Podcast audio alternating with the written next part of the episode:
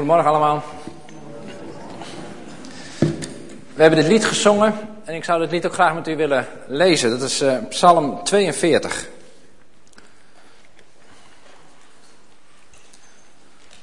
Denk ik wel een hele bekende psalm.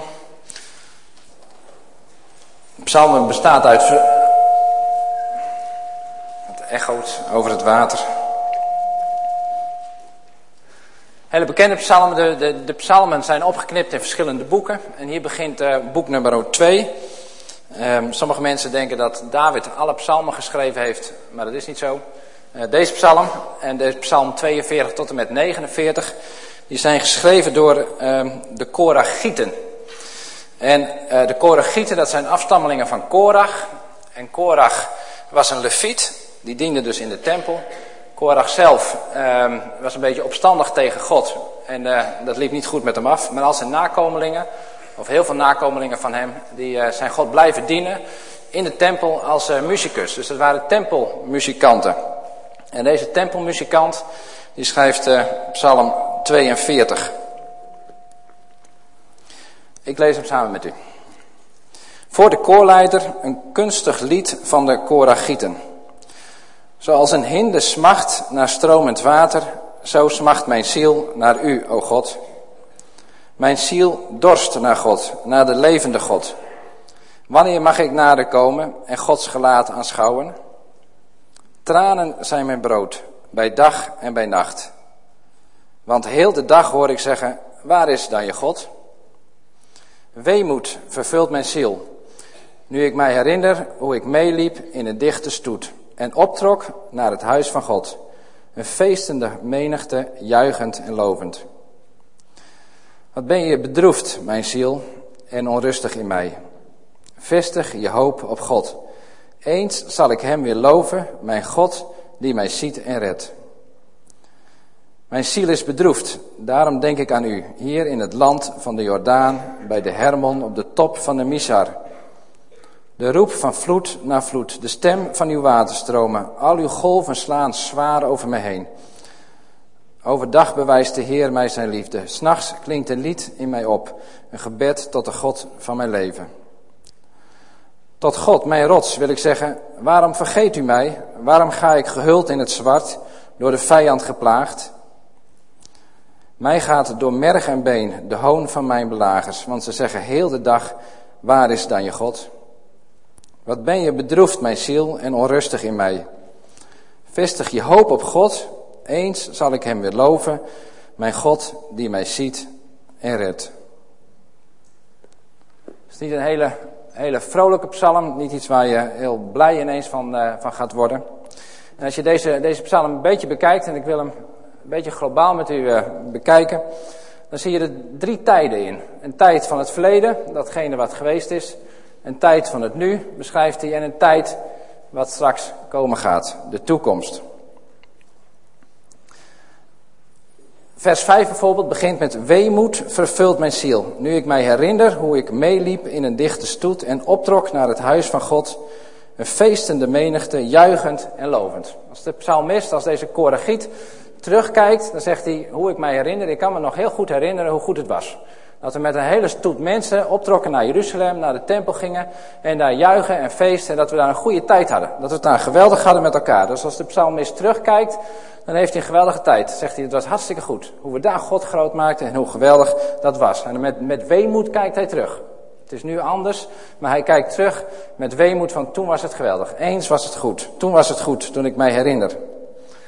En als hij kijkt naar de toekomst, Kijk, bijvoorbeeld is vers 6, gelijk naar vers 5 staat dan vers 6. Wat ben je bedroefd, mijn ziel? En dat is dan weer hoe het nu is.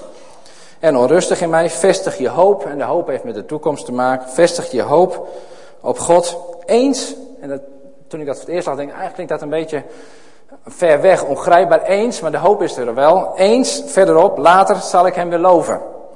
Mijn God die mij ziet en redt. En vers 12 is net zo. Eens zal ik hem beloven. Eens komt het weer goed. En als hij terugkijkt, dan zegt hij: Het was geweldig, wat was een mooie tijd, wat was het goed. En als hij vooruitkijkt, dan ziet hij een geweldige tijd. Dan komt het, eens komt het weer goed. De God die mij redt en die mij ziet. Maar als je deze psalm verder goed leest, dan zie je dat deze koragiet, deze psalmist, het nu helemaal niet goed heeft. Dat de mensen om hem heen roepen van, waar is dan je God? Hoe zit het nou? Als je vers 4, vers 4 leest, tranen zijn mijn brood bij dag en bij nacht. Want heel de dag hoor ik zeggen, waar is dan je God? Deze psalmist, deze koregiet, zit in een moeilijke tijd, in een beroerde tijd. Vers 10. Tot mijn God, mijn rots wil ik zeggen, waarom vergeet u mij? Waarom ga ik huilend in het zwart door de vijand geplaagd? Hij wordt door de vijand geplaagd en op dit moment zit hij in een beroerde en in een slechte tijd. En het kan heel goed zijn dat u zich misschien een beetje in deze psalmist herkent. Als we de mededeling in het begin van deze dienst gehoord hebben, maar iedereen heeft zo zijn eigen leven, dan denk ik dat we daarin dingen herkennen. Dat we uh, terugkijken en zeggen van wat was het goed, en vooruitkijken wat was het geweldig, maar dat we in periodes van ons leven kunnen zitten, en misschien zit u nu wel in zo'n periode van uw leven dat u zegt van het is uh, de ellende, de een komt naar de ander, het wil allemaal niet, het, het, het schiet niet op, het wil allemaal niet, het gaat zwaar, het is moeilijk. Als ik terugkijk in mijn leven, ik ben nog niet zo heel erg oud, maar als ik kijk van een tijd geleden, dan zie ik periodes in mijn leven en denk van wauw, dat was hartstikke goed. Toen ik jong was, was ik heel actief bij uh, Youth for. En ik kan me herinneren dat we toen elke vrijdagavond bijbelstudies deden van de Romeinenbrief. Twee, drie jaar lang achter elkaar. Dat was geweldig. Onze voorzitter zei toen van, je kan geen medewerker worden als je de Romeinenbrief niet hebt gehad. Dus al die nieuwe medewerkers gingen daarheen. En het was een hele opwekking, een hele opleving in je geestelijk leven. Kan ik me herinneren hoe geweldig dat toen was. Dat we daar uh, liederen zongen en hoe, nou, allerlei mooie dingen gebeurden daar. En ook wel conferenties die je hebt meegemaakt. En misschien herkent u dat ook wel. Dat u dingen kan herinneren van uw doop bijvoorbeeld. Of dat u tot geloof kwam. Of uh, allerlei andere dingen. Zegt, nou, dat was geweldig. Wat was dat geweldig. Wat was dat goed. En dan kunt u heel enthousiast nog over praten en vertellen van nou toen was het helemaal geweldig. En misschien kunt u ook wel vooruitkijken en zeggen van straks gaat het helemaal goed worden. Straks gaat het hem helemaal worden. En misschien als ik wat ouder word, maar misschien later wel in de hemel gaat het straks helemaal geweldig worden. Maar we zitten hier in het nu, we zitten hier op dit moment.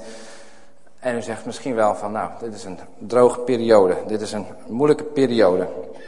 Misschien heeft u het wel druk met allerlei andere dingen en denkt u van, was het maar zo als vroeger en was die hemel nu maar een beetje, beetje hier. Misschien kunt u ook wel een psalm 42 schrijven, net als deze psalmist, dat u zegt van toen was het goed en later zal het goed zijn, maar nu uh, de ene ellende stroomt over de andere heen.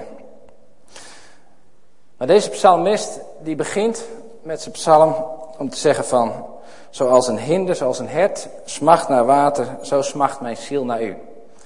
Hij, hij blijft niet mokken, deze psalmist, zeggen van, uh, wat, is het, wat is het hier slecht? Nee, hij heeft dorst naar God. Hij, hij weet ook waar hij daar naartoe wil.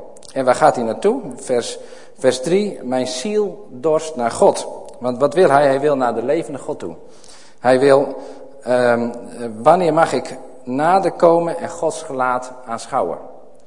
Deze muzikus, deze koragiet, die, um, en dat staat halverwege het psalm, die zit in het noorden van Israël. Die zit op die bergen, en hoe heet die bergen? De Hermon en de Misar. En dat is in het noorden van Israël. En deze tempelmuzikus, die hoort daar helemaal niet. Die is, op de ene manier is hij daar terechtgekomen, die hoort in Jeruzalem te zijn. Die hoort veel zuidelijker te zijn, bij de tempel. Daar hoort hij de muziek te maken. En toen dachten we, misschien zit hij wel in een hele beroerde omstandigheid. Maar ik heb dat een beetje nagezocht. Maar die bergen die zijn zo beroerd nog niet. Dat zijn volgens mij hele mooie bergen om te zitten. En misschien zit hij wel in een hele mooie omgeving. Heeft hij de dingen allemaal goed voor elkaar? Heeft hij misschien wel een geweldige vakantie daar? Of weet ik wat hij daar allemaal voor elkaar heeft? Hij zit daar niet in een hele droog gebeuren, maar hij zit daar misschien wel in een hele mooie omgeving. Maar ondertussen heeft hij toch nog, eh, het dorst, heeft hij een groot verlangen naar God. En we hebben misschien wel allerlei dingen goed voor elkaar. En een geweldige vakantie gehad en het allemaal goed voor elkaar. En zegt van nou, we hebben het allemaal goed. Maar ondertussen is uw ziel op dorst, dorst naar God. Dan kan het heel goed zijn dat we het voor elkaar hebben op heel verschillende gebieden. Maar net als deze psalmist, dorst hebben naar God.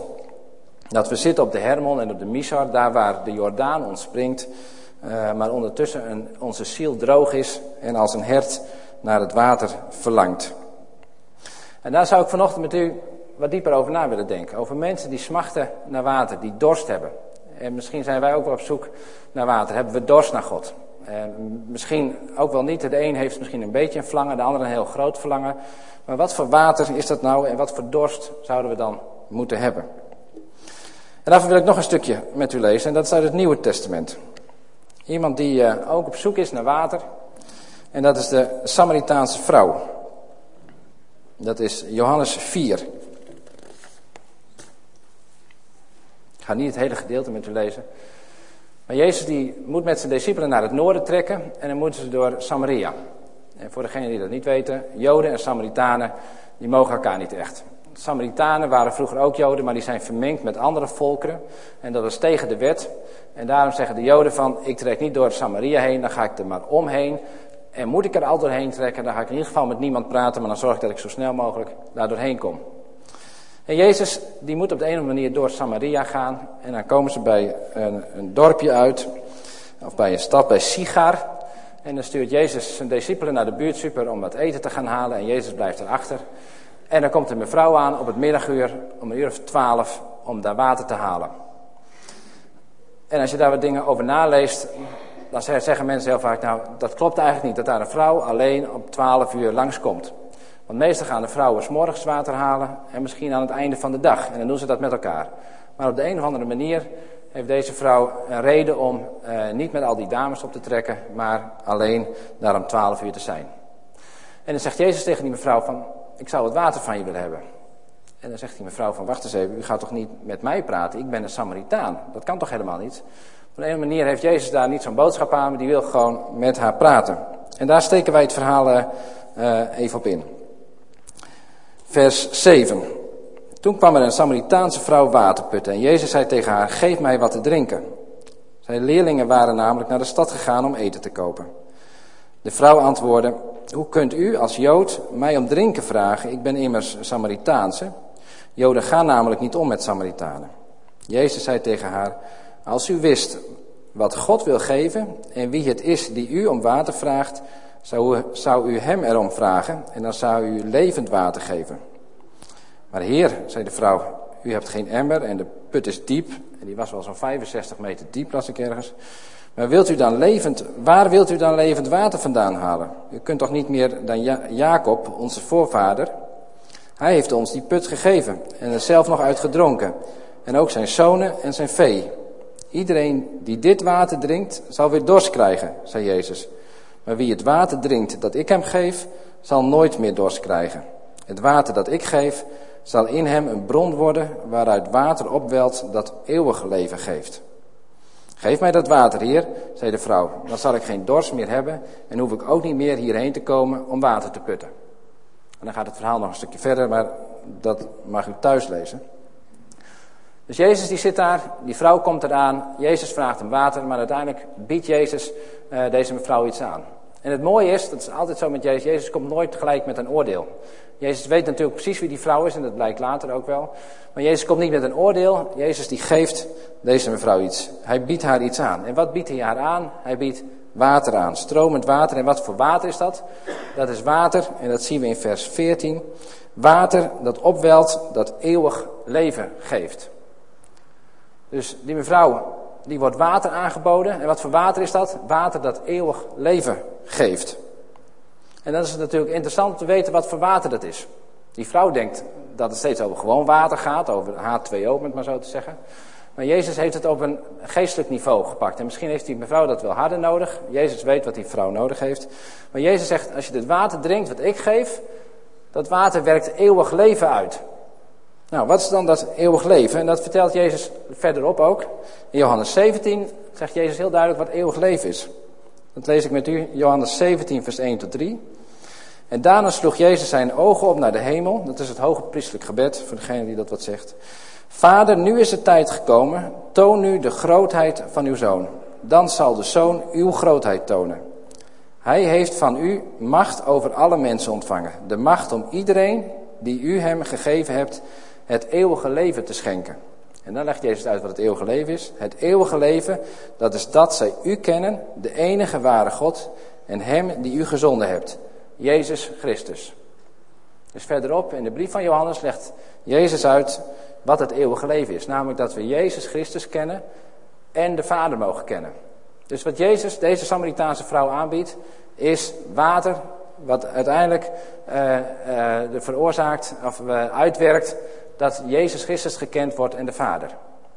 En als je dat terugkoppelt naar die psalm 42, dan is dat precies hetzelfde water wat die psalmist van psalm 42 zoekt.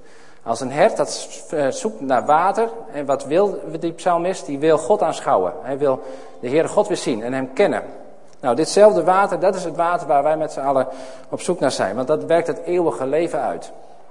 En we kennen natuurlijk allemaal ook eh, Johannes 3, vers 16. En daar staat het woord eeuwige leven ook in. En heel lang heb ik gedacht, Johannes 3, vers 16, daar staat dat God ons eeuwige leven geeft. En dat is straks, in het hiernamaals. Straks, en net als bij die psalmist, zometeen, dan gaat het allemaal geweldig worden. Maar dan staat er niet dat hij ons eeuwige leven geeft. En dat iedereen eeuwig leven hebben, zoals het in de uh, oude vertaling staat. Dus dat eeuwige leven, dat mogen we nu al krijgen. Dat mogen we nu al hebben. Dus God wil ons nu al de mogelijkheid geven om Hem te leren kennen en om Zijn Zoon te leren kennen. En dat allemaal door dat water wat Jezus Christus aanbiedt. Maar wat is nou dat water? En als we een paar hoofdstukken verder lezen dan Johannes 4, en dat zou ik met u willen lezen, dan gaan we ontdekken wat het water is.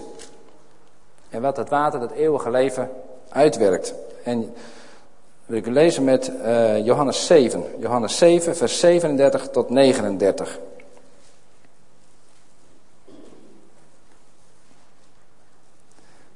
En daar ga ik straks nog iets verder over vertellen, maar... Er is het feest, Jezus gaat naar het feest, dat is het Loofhuttenfeest. En vers 37, op de laatste dag van het feest, dat is het hoogtepunt van het feest, stond Jezus in de tempel. En hij riep, laat wie dorst heeft bij mij komen en drinken. Dus er is iemand, als je dorst hebt, denk aan Psalm 42. dan gaat het verder. Rivieren van levend water zullen stromen uit het hart van wie in mij gelooft. Zo zegt de schrift.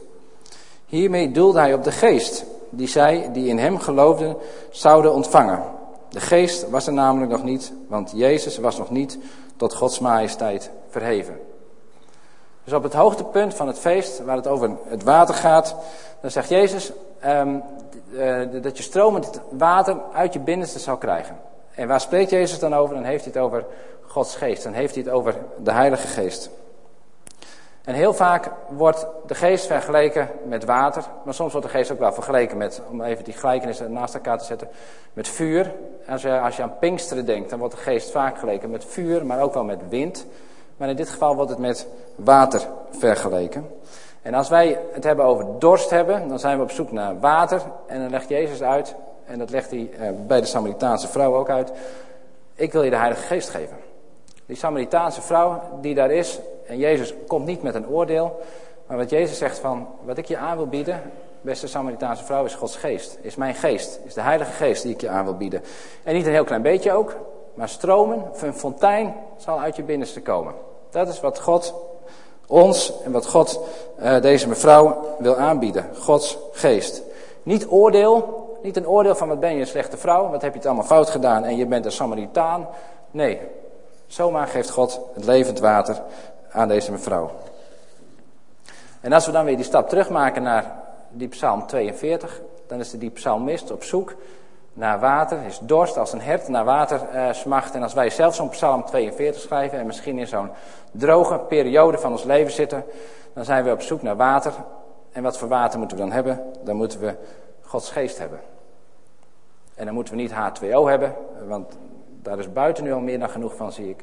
Maar wat we op zoek moeten hebben voor onze ziel, als we in een droge periode van ons leven zitten en van ons ziel, dan biedt God ons zijn Heilige Geest aan. En heel opmerkelijk vind ik, en dat heb ik net al even genoemd, dat Gods geest vergeleken wordt met, met water.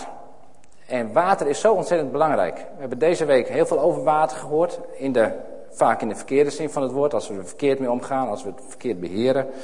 Um, maar water is zo ontzettend belangrijk voor ons leven. Ik las ergens, bestaan voor twee derde deel uit water. U bent meer water dan, nou ja, dan de rest.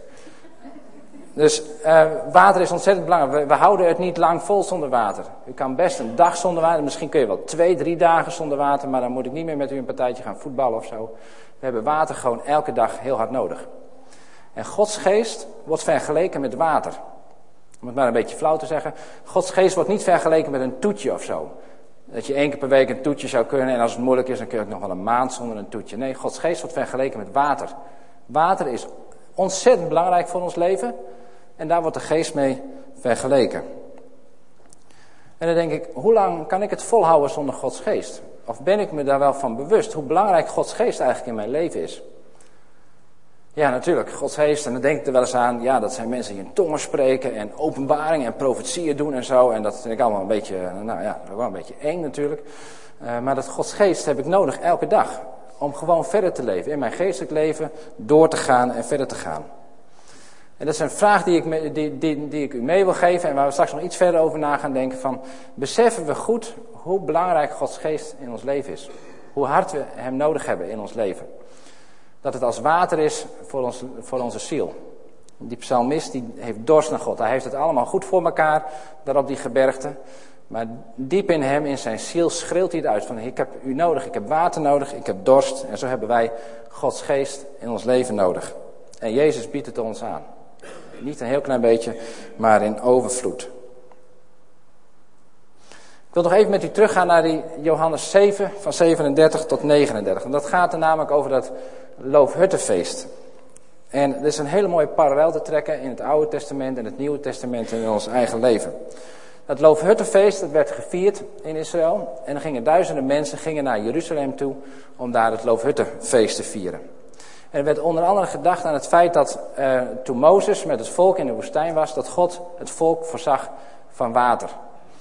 En dat werd gevierd tijdens het Loofhuttenfeest. Maar wat ook gevierd werd, is dat God het afgelopen jaar, de afgelopen jaren steeds voorzag van water. Want zoals hier, maar in alle delen van de wereld is water belangrijk om gewassen te laten groeien en om te kunnen leven, überhaupt met elkaar. Dus daar werd, een, werd God voor gedankt.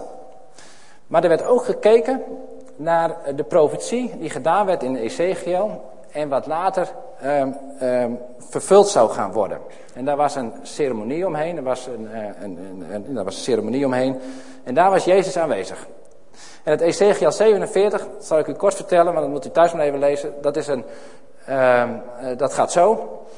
Ezekiel die werd meegenomen door een man naar de tempel. En er liep water uit, uh, uit de tempel. En langzamerhand werd die stroom veel breder en breder en veel dieper en veel dieper.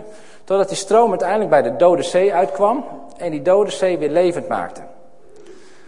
Uh, dus um, er kwam water uit de tempel en het werd dieper en het bracht leven overal. Nou, daar gaat Ezekiel 47 over. En dat werd tijdens het Loofhuttenfeest uitgebeeld. Want wat deed de hoge priester? Die ging met een mooie gouden kruik, ging die naar Siloam, naar een vijver. Dan haalde hij water uit, ging hij terug naar de tempel. En bij die tempel goot hij het water uit over de grond zodat het uh, in, in de grond kwam als teken dat er op een gegeven moment dat water verder zou stromen en dat er die stroom uit die tempel voort zou komen. En Jezus die was daar aanwezig en die zag dat gebeuren. En die kende natuurlijk ook die profetie. En die ziet het daar, en het, dat heb ik mezelf een beetje voorgesteld, zo staat het er niet. Maar die, die denkt, ik weet wat hier gaat gebeuren. Ik weet wat er gebeuren gaat en ik weet hoe deze in geestelijke zin vervuld gaat worden. En dan gaat Jezus tijdens die ceremonie, gaat hij zeggen, uh, laat wie dorst heeft bij mij komen en drinken. Want rivieren van levend water zullen stromen uit het hart van wie in mij gelooft. Dus dat sluit ontzettend mooi aan uit die, op die Ezekiel 47. En daarmee heeft hij het over de Heilige Geest. Dus wat Jezus daarmee zegt is, van degene die dorst hebben, degene die water willen hebben, dat er stromen van levend water uit je binnenste zullen komen. Niet alleen vanuit die tempel, en misschien gebeurt dat in de toekomst ook nog wel. Daar heb ik me niet goed genoeg in verdiept, maar als je het vergelijkt, als je terugtrekt naar je eigen leven, dan zijn wij een tempel van Gods geest. Staat in 1 Korinthe 3 vers 16. En daar zullen stromen van levend water uitkomen. Dus uit ons leven zal stromen van levend water komen. En als je dan die Ezekiel 47 verder leest, dan is dat water stroomt natuurlijk niet alleen maar wat. Dat water, dat brengt leven. Overal. Er komen bomen, eh, er, komen planten en dieren, eh, vissen komen er in het water. Dus het brengt allemaal leven. Het stroomt zelfs door tot en met de Dode Zee. Daar waar helemaal niks valt te groeien, waar helemaal niks te halen valt. Daar stroomt het leven naartoe. En als Gods geest in ons wordt uitgestort, en dat is wat Jezus ons aanbiedt, wat, wat, wat vrij is, wat gratis is, dan zal dat ook gebeuren in ons leven. Als je Jesaja 32 leest, daar, daar, dat heeft daar een vergelijking mee. Zo zal het blijven, zo zal het blijven totdat van boven een geest over ons wordt uitgegoten. Dan zal de woestijn een boomgaard worden, een boomgaard die is als een woud. Jezus biedt ons aan om de Heilige Geest in ons uit te storten. En dat zal nieuw leven brengen in de mensen om ons heen. En wat ik dan heel mooi daarbij vond, was ook de Samaritaanse vrouw. Als je dat verhaal verder leest, dan vraagt die Samaritaanse vrouw op een gegeven moment: Maar waar zullen wij God aan moeten aanbidden? En het is alsof ze dit al helemaal begreep. Uh, van moet het dan in Jeruzalem of moet het dan daar in Samaria? En dan zegt Jezus: Dat maakt eigenlijk helemaal niet uit waar je aanbidt. Want daar waar Gods geest in je is, daar ben je de tempel van Gods geest. En op die tempel, op die plek, mag je God aanbidden.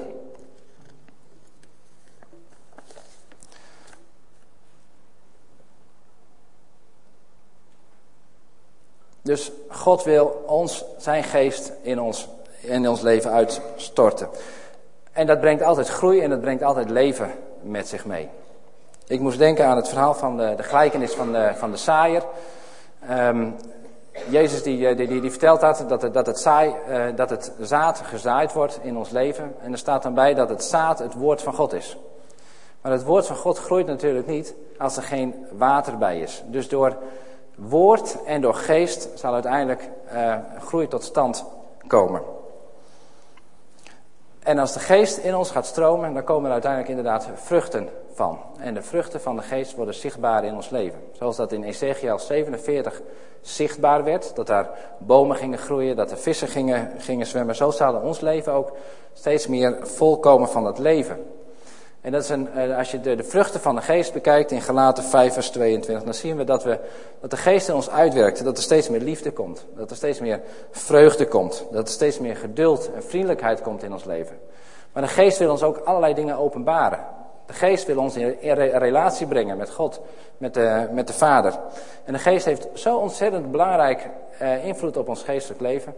Dat we ons goed moeten realiseren hoe belangrijk die geest is. En natuurlijk kennen we de geest wel als derde persoon van de drie-eenheid. Dat weten Vader, Zoon en Heilige Geest. Maar de geest is veel meer dan alleen dat. Hij is ook een kracht. En eh, dat vond ik een hele mooie gelijkenis toen ik dat las. Um, je kan Gods geest in je hebben, maar je kan hem een heel klein beetje hebben. Je kan, het water kan stromen uit je leven, maar dat kan een beetje druppelen. En dan voel je je nog als in een woestijn, heb je heel hard water nodig en dan ben je blij met elke druppel. Maar de geest kan ook veel groter worden en kan veel sterker worden in ons leven. Dat kan een stroompje worden, dat kan een rivier worden en dat kan uiteindelijk een bron worden, een fontein, wat heel veel water brengt. En zo wil God de geest in ons uitgieten. Niet een heel klein beetje, maar hij wil een heleboel in ons uitgieten. Niet alleen voor ons eigen leven, ons eigen leven zal meer tot bloei komen, maar um, als je water een beetje kent, water dat vindt altijd zijn eigen weg. Dat, dat trekt zich ook niet aan van grenzen. Als je de rivier hebt van Duitsland wat zo Nederland binnenkomt, dan stopt dat niet bij de grens. Nee, het water blijft stromen, het water blijft stromen. Als Gods geest in ons is uitgestort en het brengt leven in ons eigen leven, dan kan het niet anders dan dat het ook uh, te, terechtkomt bij de mensen in ons gezin. Dat het, uit, dat het bij de buren uitkomt, dat het bij onze collega's uitkomt, dat het water blijft stromen en dat het leven blijft stromen. Dus dat de liefde die God in ons uitwerkt, het geduld, de vriendelijkheid die God in ons uitwerkt door zijn geest, dat zal zijn plek vinden ook in mensen om ons heen. Dat betekent niet dat, we, uh, dat het allemaal vanzelf gaat, maar als we Gods geest de ruimte geven, dan zal dat zijn effect hebben. Ik moest bij dit voorbeeld denken aan een, aan een, een zelfbedacht bedacht voorbeeld, om het nog even duidelijk te maken. Um, stel je voor, u heeft op een wonderlijke manier heeft u een, uh, een woning gekregen in Spanje. Nou, hartstikke leuk. U spaart nog een beetje door om daar naartoe te gaan en u reist naar het dorpje. En uh, ziet daar het huisnummer, ik noem maar nummer 15, of, uh, en daar gaat u naartoe. 15, geweldig, er staat een heel mooi huis. En uh, een mooie veranda, een mooie nieuwe tuinset. U doet de koelkast open en oh oh, ook nog gevuld natuurlijk. Wat wijnrekjes, dat vinden sommige mensen ook. Gevulde wijnrekjes dan. Geweldig. U ontzettend blij. U kunt uw auto parkeren in, in de garage er vlakbij. mooie boxspringbedden en zo. Geweldig. U heeft daar een... U denkt, dit is geweldig. Hier blijf ik vandaag. En hier blijf ik morgen. Hier blijf ik de komende tijd. Dus u geniet daar volop. U bent een week, anderhalve week. Super. Gewoon geweldig. En dan blijkt dat er verderop ook een paar buren zijn. Nou, die buren komen op bezoek en uh, u trakteert natuurlijk, goed fles wijn erbij en uh, het is allemaal geweldig. En u heeft goed contact met de buren. Maar die buurman die wil u op een gegeven moment iets vragen. En zegt, mag ik u, mag ik u wat vragen? Ja, natuurlijk mag dat, ja. Nu bent u hier al een week, anderhalve week. Maar waarom blijft u nou aldoor in het tuinhuisje zitten? Waarom blijft u in het gastenverblijf? Hoezo? Is er daar meer? Ja, nou, nou, alsof er meer is. Komt u maar eens even mee. En u gaat de heuvel op. En u kijkt verder op de heuvel. En wat staat daar? Een gigantisch groot riant, nou, kasteel, landhuis. Dat is wat u uiteindelijk gekregen hebt. Maar u kwam binnen en u zegt, oh, dit is nummer 15. Dit zal het zijn. Maar u heeft veel meer gekregen. En het is veel mooier dan u ooit had gedacht. Was u ondankbaar? Nee, u was hartstikke blij. U was geweldig. En ik, zo kan het ook met Gods geest zijn. Dat we zeggen, we zijn tot geloof gekomen. We hebben uh, uh, God de ruimte gegeven in ons leven. En we genieten volop van wat God ons geeft. En we zijn blij en we zijn dankbaar en het is mooi. Um, maar we weten niet dat er achter de heuvel nog iets veel meer is. En zo moest ik denken, toen ik be bezig was met de voorbereiding hiermee, van Gods geest wordt vergeleken met water. En misschien heb ik Gods geest wel heel vaak vergeleken met een toetje van, ja, het is toch mooi dat God af en toe leiding geeft in mijn leven. Dat als ik terugkijk, dat ik denk van ja, toen heeft God mij geleid. En natuurlijk doet God het ook en ik zie het af en toe daar gebeuren en af en toe zie ik het daar gebeuren. Maar de geest wordt vergeleken met water voor ons leven. En het is veel meer dan dat wij misschien wel bedenken. Of in ieder geval meer dan dat ik bedenk. En ik wil je uitdagen en aanmoedigen om over die heuvel te gaan kijken. En te kijken wat Gods geest u en mij nog veel meer wil bieden. En dat is natuurlijk niet altijd even makkelijk, maar ik geloof wel dat God zoveel voor ons heeft klaar liggen. Als je de, de gelijkenis hebt van de verloren zoon, dan komt de jongste zoon weer terug en dan gaat die oudste zoon gaat een beetje mokken.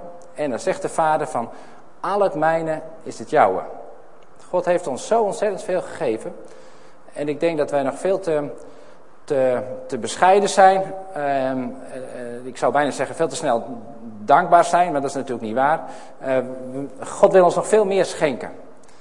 Um, en er zit op de ene manier misschien wat hobbels in mijn leven, op wat voor manier ook, om dat te gaan nemen. Maar ik wil u aanmoedigen om te verlangen naar veel meer van Gods geest. Naar veel meer van wat God ons geven wil. Net als die psalm 42, die psalmist die een mooie omgeving heeft, die uh, wel even lefiet is, een mooie carrière misschien wel heeft, maar die dorst heeft naar veel meer. Omdat hij Gods gelaat wil weer zien, hij wil God weer, weer aanschouwen. En dat is misschien wel een beetje eng. Um, want als ik aan Gods Heilige Geest denk, dan denk ik ook een beetje van I'm losing control of zo. En um, dan gaat hij het allemaal meer doen. Um, maar God is een goede God. En hij weet wat we nodig hebben. En hij weet ook uh, wat te veel zou zijn. En hij kan ook met maat geven. We nog even terugdenken aan die Samaritaanse vrouw. Uh, die Samaritaanse vrouw is vijf keer getrouwd geweest, of vier keer getrouwd, en nu leeft ze met een man wat haar man niet is. Uh, is een Samaritaan, dus volgens de Joodse wetten uh, was dat helemaal foute boel. Jezus had alle reden om te zeggen van, ehm, ehm, ik ga niet met jou praten, want volgens de Joodse wetten klopt het allemaal niet. Maar wat Jezus deze mevrouw aanbiedt, is een fontein van levend water. Is een, een, een, een opwekking van Gods geest in haar leven. Dat is wat God haar aanbiedt. En, uh, en uh, misschien denkt u wel, misschien denk ik wel van, ja, zou de geest wel voor mij zijn. Want weet u wel, dit gaat niet goed met mij. En uh, zondag zoek ik mijn Bijbel en denk ik, waar heb ik die vorige week zondag neergelegd? Ik ben echt niet zo'n goeie. En ehm, zo zijn er misschien dingen in uw leven, in mijn leven, waarvan u denkt van, Heer, die geest is niet voor mij bedoeld. Die Samaritaanse vrouw die krijgt zonder voorwaarden de geest. Alleen maar hoeft ze erom te vragen, zegt Jezus. En zo geldt het voor u en voor mij ook. En ik hoop dat, wel als, als, als, dat u als, als christen, als mens om Gods geest vraagt. Maar dat we ook zo als gemeente eh, Gods geest eh, willen uitgestort zien in ons als kerk. En dat we als, als kerk, dat er een stroom van leven uh, uit, uit deze gemeente komt. Dus dat het niet alleen voor ons is, maar dat de buren, de overburen, de, de mensen in Drachten, de mensen in Smallingenland gaan proeven dat Gods geest hier wordt uitgestort. En dan komt er een opwekking op gang. En niet omdat u ineens veel meer Bijbel gaat lezen of omdat u meer opwekkingsliedjes gaat zingen, maar omdat Gods geest in ons wordt uitgestort. En uh, daar gaan we zo meteen een mooi, uh, lied van zingen ook. Dat God giet een stroom van levend water over ons uit. Maar ik wil eerst met u gaan bidden.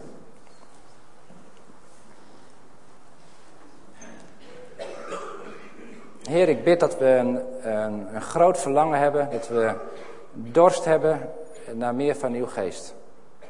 Heer, ik, uh, ehm, dank u dat u overvloedig geeft. Heer, dat u niet karig bent, dat u niet ehm, terughoudend bent, dat u, ehm, ondanks dat we sommige mensen zijn, dat we dingen echt steeds keer op keer fout doen en niet goed doen, uh, dat u wil geven. Omdat dat datgene is wat we nodig hebben.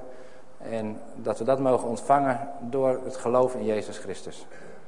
Heer, en ik bid dat u uh, rijkelijk uw geest uitstort in ons persoonlijk leven en zo ook als gemeente. Heer, en uh, dat hebben wij niet in de hand. Daarom willen we het aan u vragen. En bidden dat er levend water uit ons zal stromen. Zodat ons leven verkwikt, onze ziel verkwikt daar waar we misschien ook in moeilijke tijden zitten en het moeilijk hebben, maar dat uw geest leven brengt. En dat uw geest leven brengt voor mensen om ons heen. Collega's op het werk, op school, eh, buren, familieleden. Heer, dat zij het leven zullen proeven, omdat het rechtstreeks bij u komt, uit de bron van u. Heer, en zo uh, willen we ons verlangen daarin bij u neerleggen. En we danken u dat, u, uh, dat we door uw genade dat mogen ontvangen. En dat er steeds nieuw leven mag komen. Heer, vul ons zo met uw geest in Jezus' naam. Amen.